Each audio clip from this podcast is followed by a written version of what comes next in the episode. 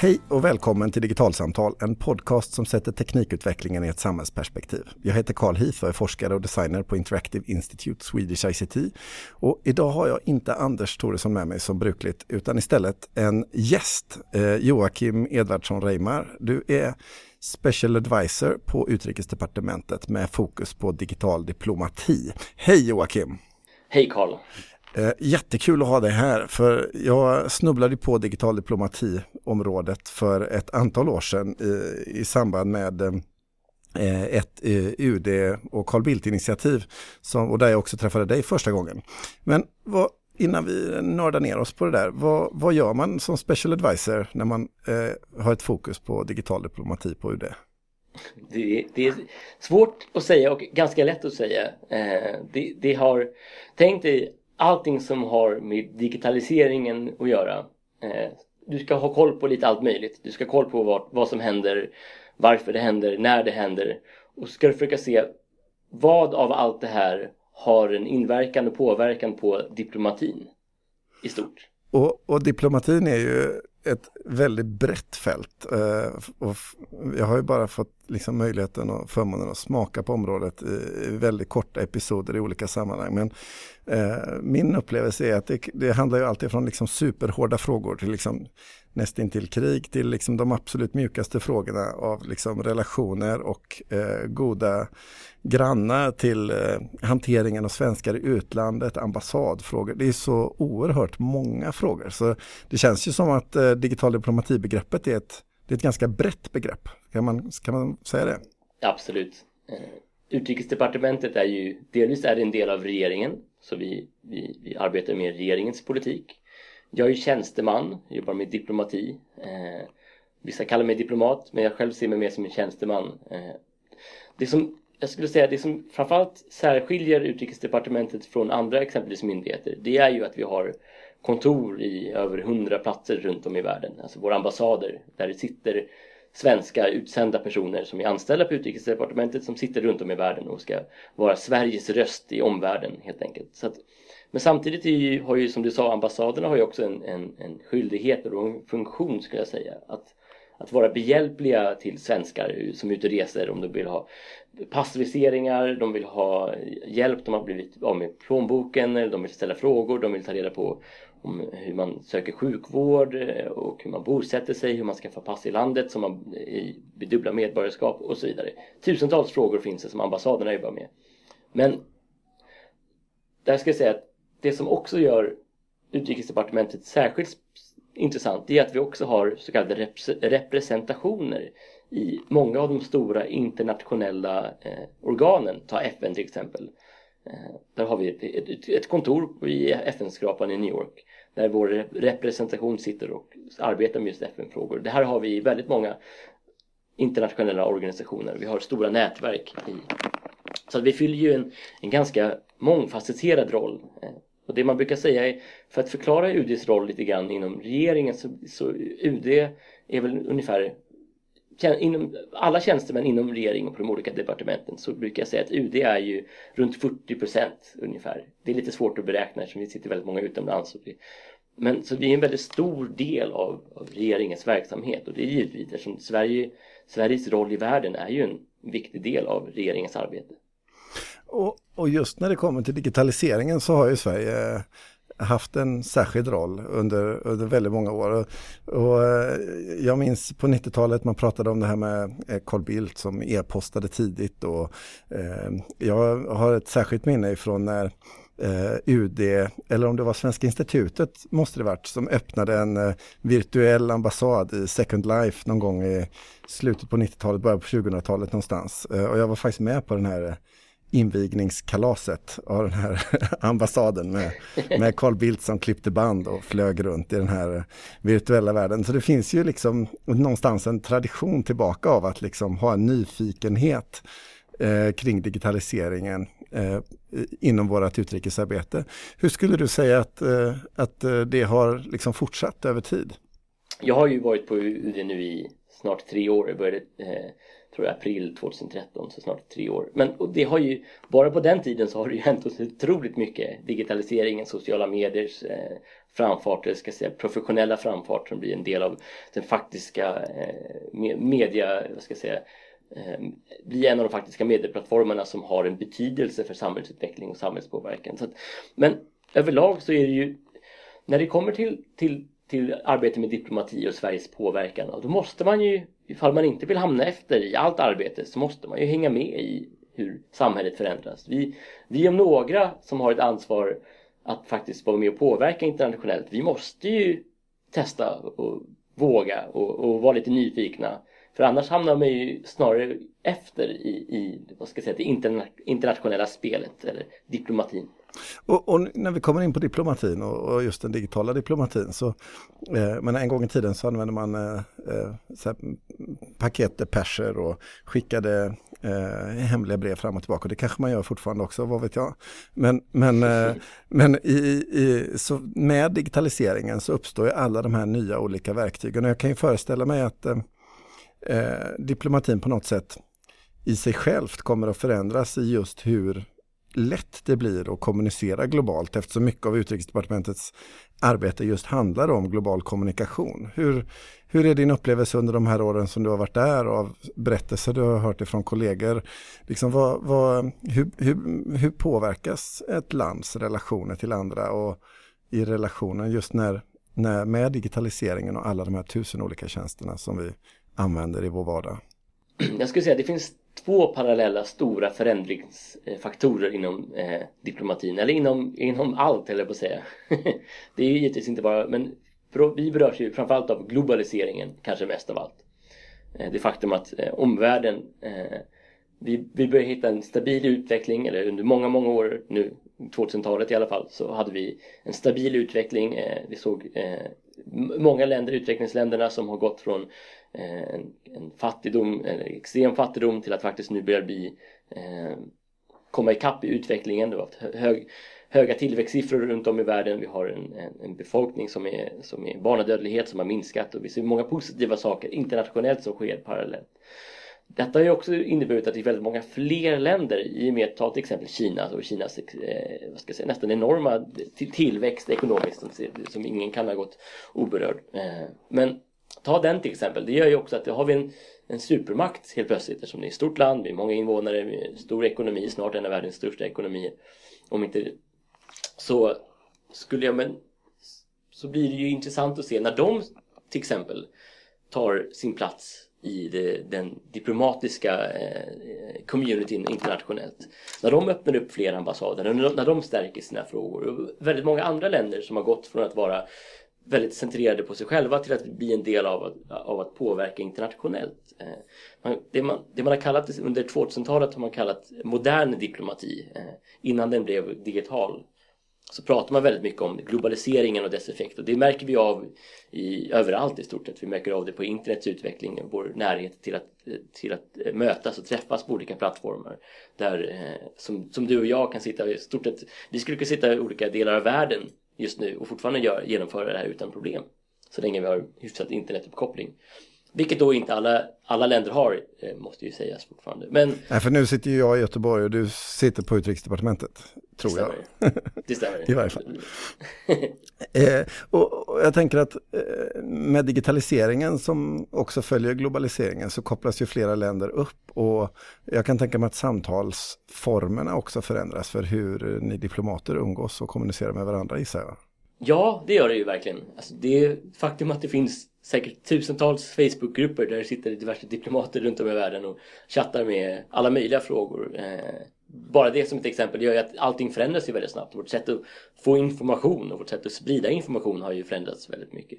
Så, så, så är, bara för att liksom nörda lite grann Absolut. på det där. Alltså, som diplomat så eh, blir en del av ditt arbete att eh, interagera internationellt i olika typer av Facebookgrupper. det, det, det, absolut. Ja. Jag menar, det skulle jag skulle säga, det är en, en del i det ju. Eh, nät, alltså, jag ska säga nätverkandet och informationsinhämtandet. Alltså det, att jag ska lära mig om vad som sker. Vilken, ta, ta till exempel den Facebookgruppen du har startat om digital samhällsutveckling. Det är ju en, ett utmärkt exempel på en plattform där jag lär mig om hur det digitala samhället utvecklas. Det samlas tusentals experter och de här grupperna finns ju i väldigt många länder. Så vill man lära sig om hur digital samhällsutveckling pågår i Tyskland eller Kanada eller någonstans Central eller Sydamerika eh, så finns det säkert liknande grupper man kan ta reda på och gå in och hitta information. Så det är klart att det är jättespännande att det finns nya plattformar för hur, hur vi får in informationen, även om informationen vi får in i stort sett är densamma. Det bara, men, men, men som diplomat då, vilka typer av eh, eh, digitala verktyg är liksom de eh, ni använder i er vardag absolut mest i ert liksom, yrkesutövande? Är det liksom Facebook eller Twitter eller Snapchattar ni eller liksom, hur går det till när man eh, är digital diplomat? Jag skulle säga Snapchat är, det är klart jag använder det. Jag har ju vänner som är diplomater i andra, andra länder som använder det. Man skickar roliga bilder eller kort, har du sett det här eller eh, hälsningar, gratulationer eller vad det nu kan vara för någonting. Det var en stor snöstorm i Washington där, jag, där de beklagade sig så mycket samtidigt som vi hade minus 20 grader och snöstorm i Stockholm som standard. Och här var ingen direkt som klagade. Tågen gick som det skulle, vägarna plogades. Det är klart jag var tvungen att skicka en bild till, våra, till exempelvis våra diplomater i kontoret i Washington och säga att ni kan hjäl hjälpa amerikanerna lite grann i, i, i det här. Vi som, har, vi som har varit med om det här för skämt åsido. Men så är det klart att man kan ju man använder det som en privat eh, kanal. Men överlag skulle jag säga att det, det viktiga för oss, ta till exempel våra diplomater. Det, där handlar det väldigt mycket om nätverkande. Man ska få, få hänga med i, i, i diskursen i det landet man befinner sig i eller den frågan man ansvarar för. Om du till exempel jobbar med, med utrikespolitik eller säkerhetspolitik, eh, mer kanske konfliktorienterad politik, du kanske jobbar med FN, du kanske jobbar med bistånd. Det finns otroligt många olika eh, nischer du kan ha inom utrikespolitiken. Men, och där skulle jag säga, i alla de nischerna så finns det ju ett oerhört stort behov av att nätverka. Som det alltid gör i alla yrken, eller i många yrken skulle jag säga. Men framförallt som det alltid gjort för diplomatin. Och då blir det givetvis de kanalerna som har störst möjlighet att hjälpa dig att nätverka. Ta till exempel LinkedIn blir en viktig kanal för många om de vill hålla sina nätverk. Om de kanske jobbar med, mycket med att sälja in, sälja in svenska företag eller svenska idéer, svensk innovation. Om du är inte mer intresserad av den politiska diskursen i ett land så är Twitter ett utmärkt sätt att nå ut på. Vi har jättemånga diplomater, framförallt ambassadörer som är väldigt skickliga på att, på att navigera i Twitterlandskapet vilket, är, vilket tar tid och tar många års av prövning. Eh. Ja, för jag förstår att just Twitter har kommit att bli eh, en av de eh, liksom, arenorna, politiska arenorna som verkligen har kommit att spela en viktig roll inom diplomatin. Det är liksom med exempel på tweetar som skickas från Iran till USA när det liksom en, finns frostiga vardagsrelationer men helt plötsligt på individnivå så uppstår det möten som kanske annars liksom bara några år tidigare hade varit helt omöjliga. Och, och så vidare. Alltså, kan man säga att den här typen av liksom, sociala verktyg i sig själva kommer att förändra liksom, hur diplomatin går till i praktiken? Jag skulle säga att den har förändrat hur diplomatin ser ut i praktiken. Eh, diplomatin är å andra sidan ett ganska löst fenomen. Eh, vi vill ju påverka, vi vill ju få ut Sveriges värderingar i, internationellt. Vi vill, vill, ju, så att diplomatin påverkas ju alltid. Den har ju påverkats av tusentals händelser tidigare.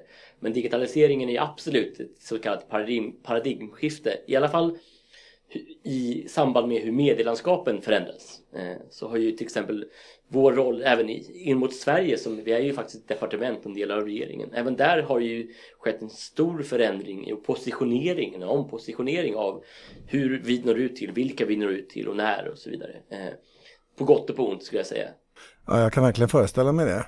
Och, och när man då liksom funderar på liksom eh, diplomatins eh, positionering och eh, tillkomsten av alla de här sätten att kommunicera på så eh, känner jag också att det finns ju liksom utmaningar i det där, eller eh, jag funderar på om det finns det. För jag menar mycket av ett lands eh, nationella säkerhet bygger också på hemlighållandet av information och att eh, hålla information för sig och, och så vidare. Hur uppstår den här liksom eh, situationen? För det blir någonstans en, eh, en dualism där i att liksom möjligheten i att nätverka och allt det som du pratade om alldeles nyss. Men också hur man gör för att eh, eh också hålla eh, sin egen information hos sig. Finns det liksom, hur, hur ser den liksom brytpunkten ut där mellan liksom behovet av ett hemlighållande och, och samtidigt hela den här massiva digitaliseringen som har hänt? Ja, för det är just det som du sätter fingret på någonting här som är ganska, som jag tycker är väldigt intressant. Det är ju det här med att diplomatin som den har varit de, kom, de senaste hundra åren 400 åren eller vad man ska säga, så länge diplomatin i stort sett har funnits har ju byggts mycket på att i förhandlingar så vill man kanske inte alltid förmedla exakt vad man står för av olika förhandlingspositionsstrategiska sätt och ja, givetvis landsinformation, saker som Sverige, våra positioner kanske inte vi vill gå ut med av militäriska skäl eh, och, och så vidare och så vidare. Det finns väldigt många anledningar till att inte gå ut med allting vi, vi vet.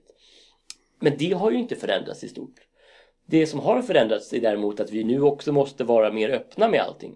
Vi måste hänga med i mediautvecklingen så att vi fortfarande har en plats i, i mediediskursen, i informationsdiskursen, i hur vi, hur Sveriges syn på vissa frågor som faktiskt är öppna jämfört med de frågorna som har varit och kommer förbli stängda givetvis.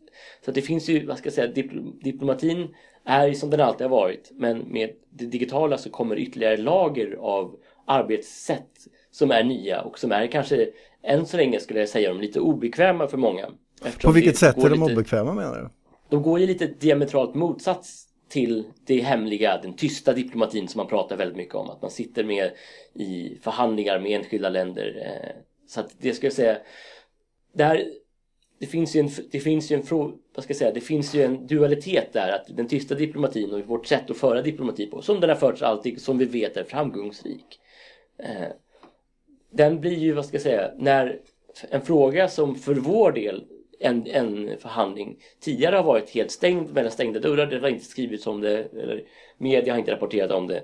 Med internet och sociala medier så är det väldigt många frågor som blir eh, öppna Eh, som diskuteras och där flera människor internationellt lägger sig i. Det finns en närhet mellan länder och så vidare som, som inte fanns tidigare och då skapar det ju en, en, fråga som tidigare var stängd som inte pratades om. Kan det pratas om nu exempelvis? Och då, är det, då, då medför det ju exempelvis en, en förändrad syn på hur vi ska hantera det hela. Men överlag så skulle jag säga att den, den, den gammeldags diplomatin som fungerar som har fungerat alltid och som fortsätter komma att fungera den är ju den är den är svårare att rubba på. Det, det, finns ingen anledning att göra det. Däremot så finns det ju en, en otroligt viktig samhällsfunktion att finnas till där våra samhällsmedborgare finns exempelvis i, i eh, form av, som jag sa, nämnde tidigare, hur våra ambassader och vi ska vara behjälpliga utomlands och vi ska kunna ge information till svenskar som reser. Det är klart att vi måste finnas dig behjälpliga digitalt och vi måste vara öppna och kommunicera.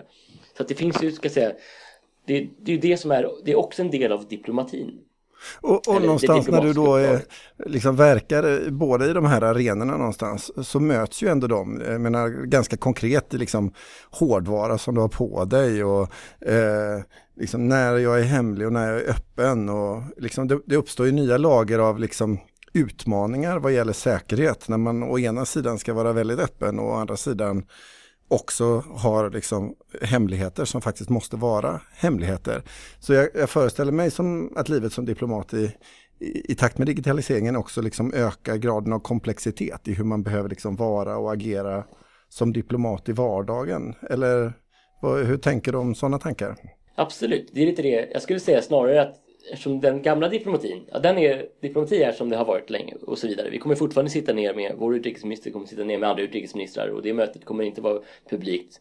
Eh, vissa möten är ju publika, ibland sitter de och diskuterar i paneler och så vidare. Det har man gjort också under väldigt lång period. Det är inte så jättemycket som förändras i den biten. Däremot, där den stora förändringen sker, så är ju just i kop kopplingen mellan det här digitala, det öppna, att göra, göra en röst av sig själv, göra sig själv hörd i ett sammanhang. Alltså, vara med, ta en del av diskursen som finns på internet där andra eh, viktiga personer finns med och diskuterar din särskilda fråga. Där finns det en vits att skapa ett nätverk, skapa en röst för dig själv. Och det, det är ju ett nytt verktyg och det, ska, det förutsätter ju att du kan hantera det verktyget professionellt. Det, för, det förutsätter att du förstår exempelvis Twitter, Facebook eller om det är ett annat land som har andra sociala medier som fungerar på liknande sätt eller om det finns andra sätt du kan nå ut på så förutsätter ju det att du förstår och är professionell i hanteringen av verktygen. Så det du det säger någonstans det är ju att liksom, ska man kunna vara diplomat idag och verka i en global kontext så blir liksom digitaliseringens eh, utmaningar och möjligheter någonstans en del av ens vardag som man måste på något sätt förhålla sig till för att faktiskt kunna verka på ett bra sätt och, och liksom, eh, göra det jobbet som, som man ska göra. Ja, absolut. Jag skulle säga att det, det, är inte, du måste ju inte göra det här. Men förutsättningarna för att du ska lyckas med ditt uppdrag ökar ju om du till exempel förstår dig, förstår dig på att mediediskursen just nu har flyttats från kanske ja, morgontidningen till, till Twitter, eh, Twittertrender till eh, Facebookgrupper till, till virala händelser till eh, till opinionsbildare, till bloggare och så vidare. Att du förstår det på vem det är som påverkar i samhället, vem det är som får sin röst lyft och hörd och så vidare. Och hur medielandskapet förändras och vilket sätt det påverkar. Eh, den informationen är ju väldigt viktig för, en diplomat att förstå sig på. Det för, det, det, man måste ju inte göra det här, det måste jag verkligen tillägga. Det finns ju du kan ju fortfarande vara fullt duglig. Eh, du måste inte jobba, du måste inte ha mobil när du jobbar. Men det hjälper ju dig otroligt mycket i din, i, och skap, ger dig förutsättningar och du blir nåbar på ett annat sätt. Samma sätt ser jag den digitala diplomatin inte som en direkt nödvändighet. Det går ju fortfarande, vi har ju lyckats med diplomatin i århundraden. Den kommer fortsätta men det finns ju möjligheter nu för oss att nå ut på som är som är viktiga att ta tillvara på om man verkligen vill lyckas med sitt uppdrag. Men det uppstår också en massa sådana här eh, spänningar tänker jag kring att eh, en annan liksom, aspekt av digitaliseringen och som rimligen påverkar diplomati mycket det är ju snabbheten i kommunikationen och alla olika typer av liksom, bakkanaler som uppstår, liksom med några som kommunicerar eh, direkt med varandra eh, över bordet på Messenger eller liksom vad det nu kan vara för någonting som, som händer och att eh, det helt enkelt liksom ökar graden av komplexitet i interaktionen mellan olika stater. Skulle man kunna liksom beskriva digitaliseringen på ett sådant sätt? Ja, jag skulle säga att ja, till viss del absolut. Eh, än så länge så lever ju vi, ska säga, i, i i begynnelsen av den digitala påverkanskraftens eh, vad ska jag säga, stor, storhetstid. Eh, det har tagit stegen nu. Ja, det finns en miljard människor eh, loggar in per dag eller vad det nu är på Facebook. Det är klart att det får en jättestor betydelse att det är, där, att det är den kanalen vi ser. Vi ser stora stor, vi ser andra stora kanaler internationellt som också fyller en viktig roll. Men jag skulle säga att än så länge så är det ju inte är det inte den viktigaste kanalen. Eh, det är den ju inte. Men vi ser ju hur snabbt det rör på sig. Vi ser ju hur digitaliseringen påverkar och kommer att påverka framöver också. Hur, tänker man kring att, alltså en sak som jag har reflekterat en del över vad gäller liksom de samtalen som pågår i Sverige eh, mellan mm. staten och medborgarna och så, det är ju att eh, där vi tidigare pratade om eh, fysiska offentliga rum där vi möts på torg och bibliotek och eh, eh, vad det nu kan vara för att liksom utbyta tankar om Eh, hur det är att vara medborgare i, i, samhället och så vidare. Så har en hög av de samtalen alldeles naturligt eh, förts över in i våra digitala eh, miljöer.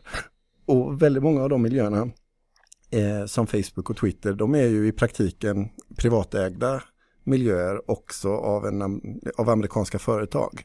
Eh, och, så även om vi pratar om ett eh, samtal som sker eh, och som kan upplevas vara öppet så är det ju ändå så att säga någonstans eh, eh, på, på Facebooks eller Twitters eller vem det nu är villkor. Eh, hur, finns det någon utmaning där, ett diplomat liksom just vad gäller diplomatin och liksom att vara en tjänsteman som agerar på de arenorna eller, eller hur fungerar det? Jag kan säga det, det, det är klart att det gör. Vi har ju fått nya stora aktörer. Jag, jag, jag brukar själv se, nu kanske det här är baserat på att jag jobbar och reser, reser väldigt mycket och träffar till exempel de stora företagens representanter, deras policychefer och så vidare. Det, det är klart att, men för mig så blir ju Google, Facebook och andra liknande verk, stora verktyg och, och Twitter och, och, så vidare. De blir ju för mig som en nation. Man får ju hantera dem på samma sätt. Det, är ett för, det må vara ett företag men vi, vi, med vår kunskap om hur vi hanterar Eh, diskussioner och, och eh, utveckling, internationell utveckling och samarbetsvilja och så vidare.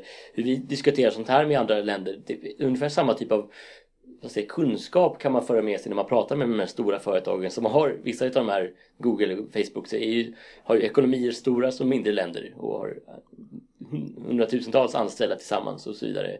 Även om väldigt mycket är just digitaliserat och kanske inte kräver den största arbetskraften så är det ju fortfarande en påverkanskraft som de sitter inne på som är otroligt stor. Eh, jag, jag kan tänka mig att just i, när det kommer till informationslandskapets påverkan så är ju Google betydligt viktigare än något annat land i hur de påverkar hur hela världen i stort sett ser på information.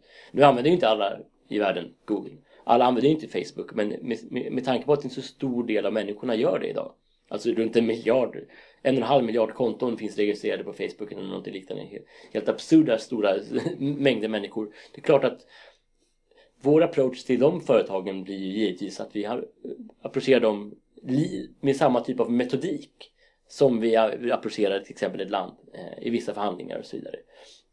Men... Ja, det känns ju väldigt fascinerande för någonstans så liksom, det känns som att liksom, kartan för hur internationella relationer går till på något sätt verkligen stöps om i och med de här stora plattformarnas inträde som viktiga enskilda aktörer för hur den diskussionen går till också mellan statsmakter.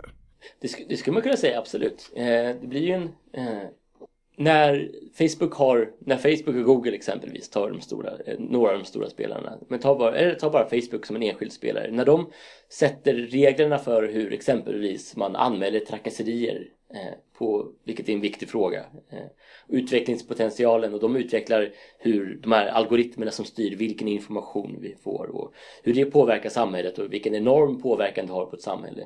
När de här frågorna börjar bli allt, vad ska jag säga, när de här frågorna börjar få det utrymmet i, i, i eh, vad ska jag säga, den internationella diskursen överlag. Eh, den är inte riktigt där än. Vi är inte så pass mogna internationellt att vi förstår oss på storheten i Facebooks algoritm och hur den skapar klustersamhällen och vad det, hur det påverkar oss. För sånt tar tid och det är svårt att reda ut. Det pekar åt olika håll. Eh, forskningen är, är färsk och, och, det finns inte så jättemycket att luta sig mot och det, framförallt så finns det olika kulturer så att varje land hanterar sin diskurs på ett, på, på ett unikt sätt vilket gör att det är svårt att approchera det här som en globalt samfund och diskutera med, med exempelvis Facebook eftersom lagstiftning och sånt ser så annorlunda ut vilket jag förstår att för Facebooks perspektiv när det kommer till exempelvis hantering av trakasserier och liknande så är det ju jättesvårt för de måste anpassa sig till hundratusentals olika, olika eller kanske åtminstone personers syner på det här, jurister, företag och allt möjligt eh, som hur de ser på, på, på de här frågorna. Men jag skulle säga att det är ju i vår den viktigaste rollen för oss i alla fall i de här frågorna det är ju delvis att vi är medvetna om att, att att det är där vi ska befinna oss i de här nya kanalerna. När vill vi nå ut med samhällsinformation, viktig information ut mot, mot medborgarna. Eh, vi kan ju prata om hur länge som helst om hur vikten av att nå ut och vara med och vara modern. Men kopplat till också hur de här kanalerna utvecklas, hur det påverkar samhället i stort. Det, vilken förändring det innebär att vi nu sitter i, har smarta telefoner i våra fickor, att vi har tillgång till internet och all den information som finns på internet jämför med framförallt internationellt där vi ser en otroligt snabb digitalisering. Internet, jag tror att det har, det har väl nästan det ökar väl med ett par, par hundra miljoner människor får tillgång till internet varje år. Man räknar att om, om fem år eller liknande, eller 2020 brukar man säga eh, att man tror att ungefär 80-90% av världens befolkning kommer ha tillgång till internet. Idag är det väl ungefär 40% som har tillgång till internet. Runt 3 miljarder människor har tillgång till internet. När hela världen sen har tillgång till internet vilket är den revolutionen vi, vi, vi ser framför oss just nu internationellt. Då blir de här frågorna ännu viktigare. Hur många människor kommer inte ha Facebook när alla har möjlighet att ha Facebook? Då kanske Facebook sitter på 3 miljarder eh, personer och då helt plötsligt anpassar de sin, sin teknik till att fungera bättre i, i Indien eller Afrika där det finns helt andra typer av kulturer och andra språk och allt möjligt som gör att det vi ser just nu är bara början på någonting som vi om de kommande tio åren kommer behöva lägga otroligt mycket tid på. Det låter som att vi eh, har anledning att komma tillbaka till eh, den här typen av samtal och eh, lyssna in om en tid och se vad som händer inom diplomatins värld och vart, eh, vart vi har färdats. Eh, jättetack Joakim för att du hade tid att titta in i digital samtal. Absolut. Med det här så eh, tänkte jag runda av eh, dagens podcast. Hör gärna av er med kommentarer, tankar och funderingar i Facebookgruppen Digital samhällskunskap där jag hänger och eh, som ni hörde också Joakim. Eh, har ni en fråga till oss, tveka inte att höra av er. Det går också bra att skicka frågor på mail och adressen är i så fall podcast.digitalsamtal.se. På Twitter finns vi på digitalsamtal. Eh, Prenumererar ni på podcasten i iTunes eller på något annat ställe får ni jättegärna skriva en kommentar och ratea programmet för då hamnar vi högt upp i sökresultaten och fler får möjlighet att hitta till oss. Men till nästa gång, hej då!